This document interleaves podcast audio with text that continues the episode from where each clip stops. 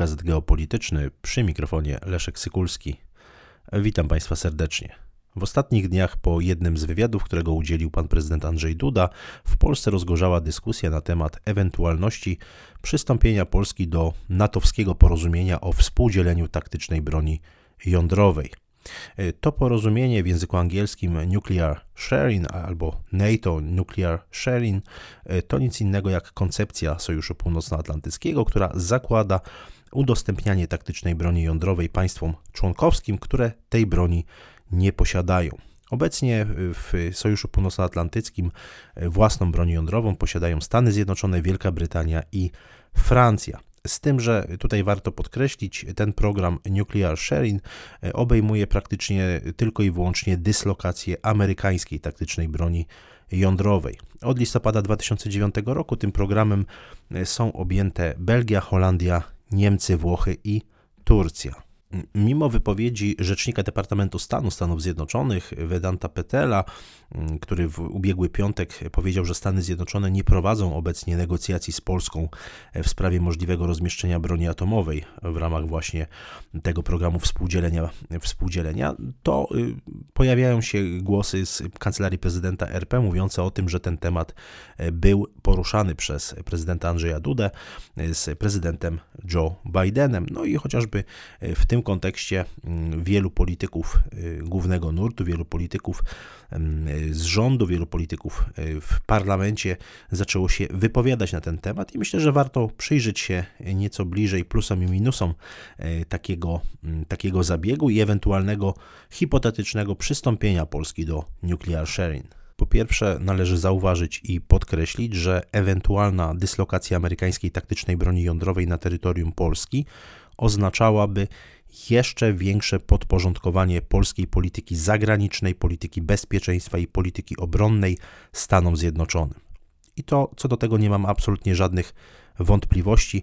To podporządkowanie byłoby znacznie większe niż y, jest obecnie, e, niż jest od 15 sierpnia 2020 roku. Wtedy została zawarta e, umowa między Polską a Stanami Zjednoczonymi o tak zwanej wzmocnionej współpracy obronnej. Umowa, której wiele artykułów jest absolutnie skandalicznych, które to artykuły no, właściwie pokazują, jak bardzo wasalny jest stosunek Polski wobec Stanów Zjednoczonych. W tej umowie Stany Zjednoczone w ogóle nie, w żaden sposób nie zobowiązały się do y, obrony Polski, do wykorzystania swoich sił zbrojnych do obrony Polski. Mówimy oczywiście o konkretach, o konkretnych zobowiązaniach. Nie ma tam żadnych konkretów, żadnych konkretnych zobowiązań do wykorzystania przez Amerykanów swoich sił zbrojnych do obrony Polski. Polska zresztą zobowiązała się wykonywać tę umowę bezterminowo, a okres wypowiedzenia to aż dwa lata. Polska nie ma żadnych gwarancji na, co do wpływu, jeśli chodzi o ilość e, wojska przerzucanych przez, e, przerzucanego przez Stany Zjednoczone na nasze terytorium, ani jeśli chodzi o rodzaj sprzętu, jego ilość tego sprzętu. Absolutnie tutaj Polska w tej umowie nie ma żadnych takich e, gwarancji. Co więcej, władze państwa polskiego zgodziły się na tworzenie na terytorium Rzeczypospolitej różnego rodzaju obszarów, obiektów, które pozostają w wyłącznej dyspozycji dyspozycji sił zbrojnych Stanów Zjednoczonych, no czyli praktycznie mówimy tutaj o obszarach o charakterze eksterytorialnym, czy obiektach o charakterze eksterytorialnym.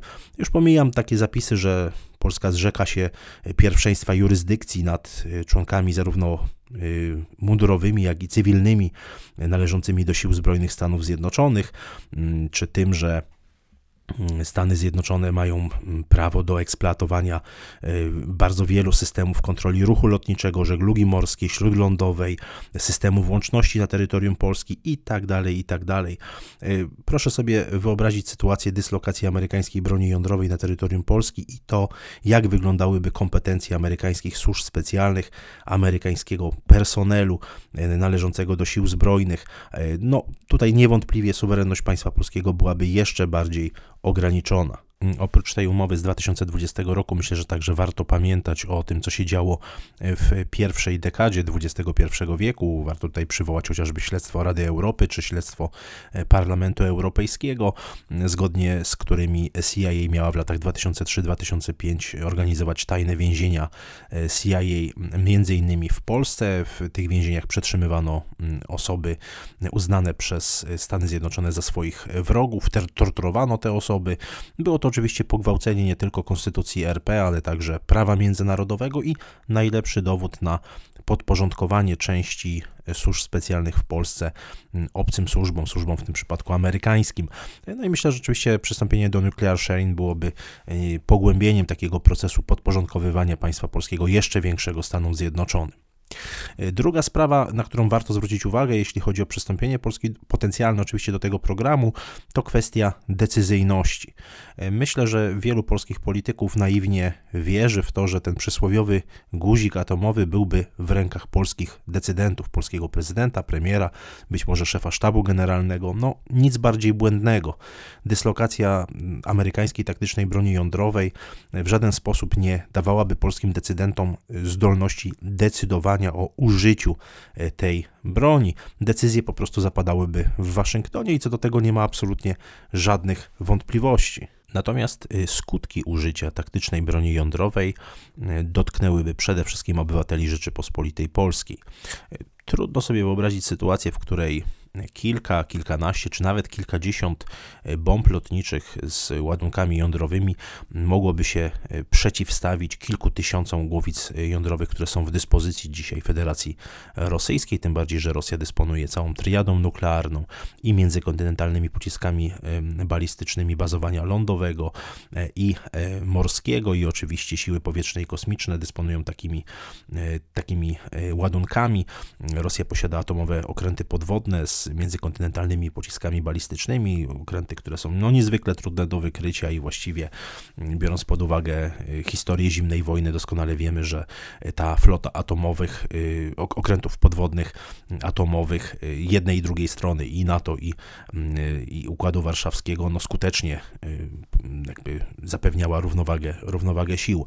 W mojej, w mojej ocenie, gdyby doszło do użycia taktycznej broni jądrowej z terytorium Polski przeciwko państwu związkowemu, związkowemu Rosji i Białorusi, to Rosja nie, nie odpowiedziałaby strategiczną bronią jądrową przeciwko Stanom Zjednoczonym, to znaczy nie odpowiedziałaby zbombardowaniem, mm, zniszczeniem czy to Los Angeles, czy Nowego Jorku, czy, e, czy Bostonu, czy Waszyngtonu, ale uderzyłaby na polskie miasta, na, polskie, na polską infrastrukturę krytyczną, na polskie okręgi przemysłowe. Mm, to co do tego nie mam absolutnie żadnych, żadnych wątpliwości. A biorąc pod uwagę brak systemu obrony powietrznej, skutecznego systemu obrony powietrznej w Polsce, brak jakiegokolwiek systemu skutecznego antyrakietowego, no Polska stałaby się poligonem, poligonem atomowym i tutaj trzeba sobie absolutnie zdawać z tego sprawę i wziąć odpowiedzialność za tego typu decyzje, no bo rozumiem, że jeżeli któryś z polskich polityków ma taki pomysł, aby mm, tutaj przyjąć na terytorium Polski taktyczną broń jądrową, to nie po to, aby ona no, była takim papierowym tygrysem, bo nikt się takiej broni y, nie wystraszy, a zwłaszcza nie, nie państwo, które posiada strategiczny arsenał y, jądrowy, no, ale bierze pod uwagę możliwość użycia tej broni. Jeżeli ktoś bierze dzisiaj realnie mm, i na poważnie możliwość użycia z terytorium Polski taktycznej broni jądrowej, to musi zakładać, podkreślam, musi zakładać przyjęcie uderzeń atomowych w odwecie, odwetowych uderzeń atomowych na terytorium Polski. A już taka e, wizja, taka perspektywa jest skrajnie e, niebez, nie tylko, że niebezpieczna, jest skrajnie sprzeczna z polską racją stanu i polskim interesem narodowym i grozi hekatombą, grozi armagedonem jądrowym na terytorium e, Polski i warto oczywiście o tym pamiętać. Czwarta kwestia, którą warto tutaj wyartykułować, to kwestia eskalacji.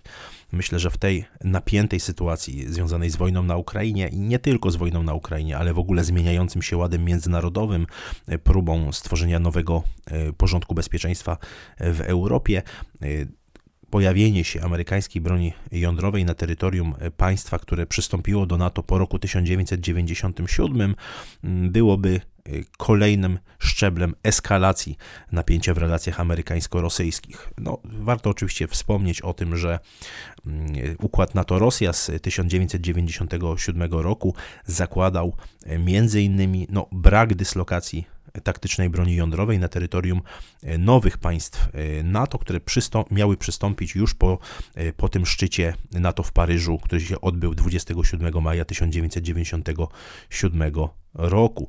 Y, natomiast y, no, też oczywiście warto wspomnieć o tym, że w tym roku, w maju 2022 roku, y, NATO no, jakby ustami swoich przedstawicieli powiedziało, że właściwie ten układ NATO-Rosja z 1997 roku przestaje obowiązywać w związku z działaniami Rosji na terytorium Ukrainy.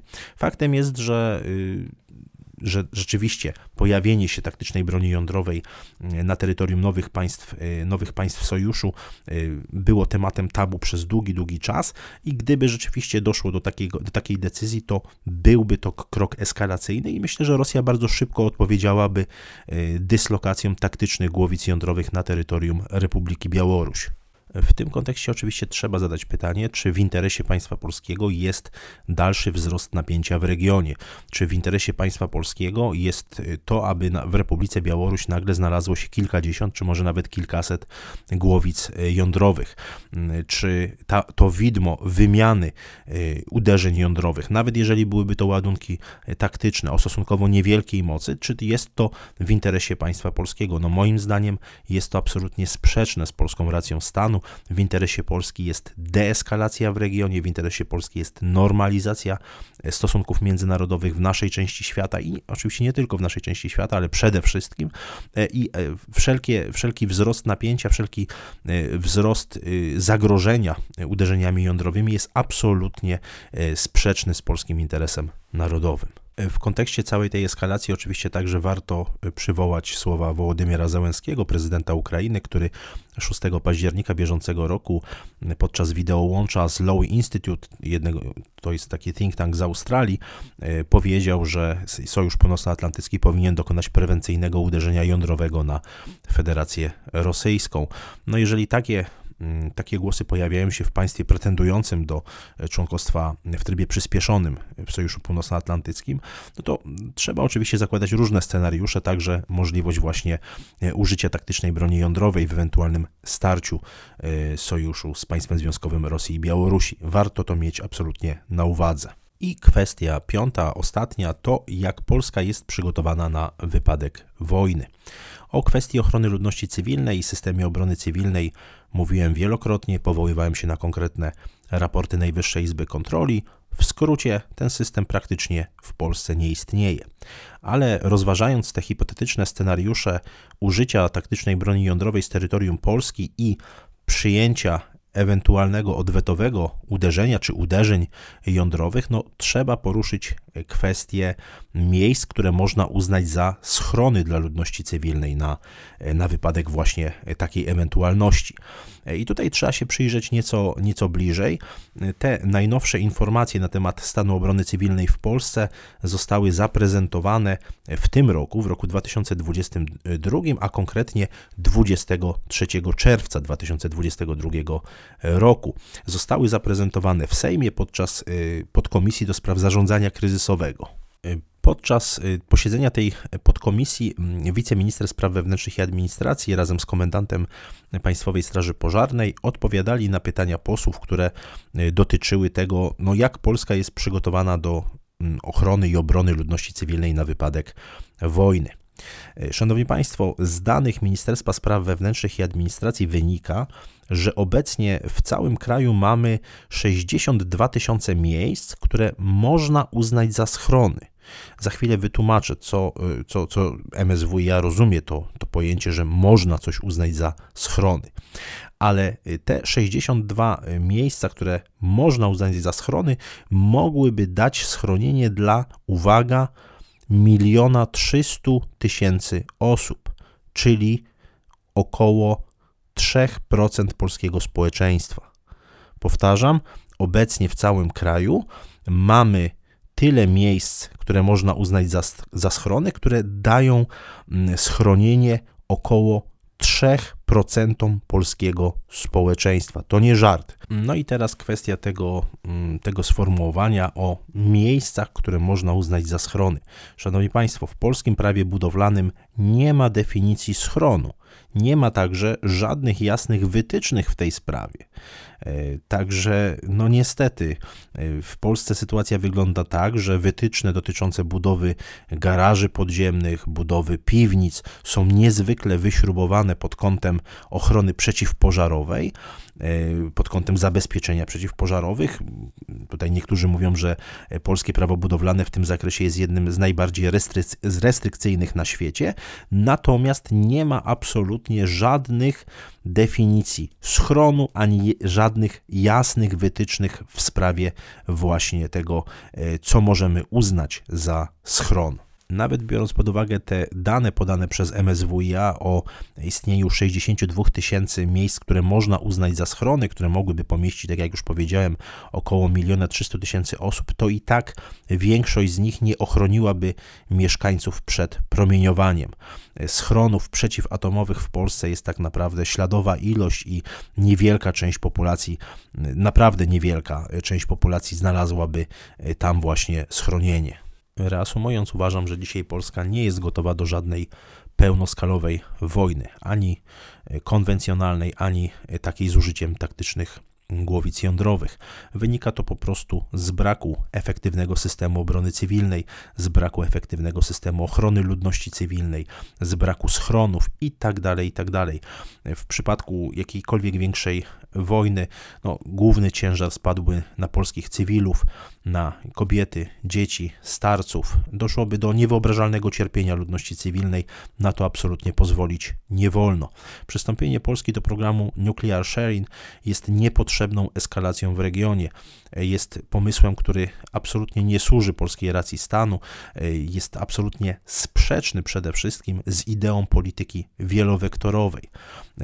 Dyslokacja amerykańskiej broni jądrowej w Polsce to jeszcze większe uzależnienie państwa polskiego od amerykańskich służb specjalnych, od amerykańskiej wielkiej strategii, w której to strategii Polska jest traktowana przedmiotowo, marginalnie jest traktowana jako zderzak strategiczny. Wielokrotnie o tym e, mówili przedstawiciele amerykańskiej geostrategii, nauk politycznych, chociażby tacy jak e, dr George Friedman, który wprost e, mówił o takim instrumentalnym traktowaniu junior partnerów Stanów Zjednoczonych.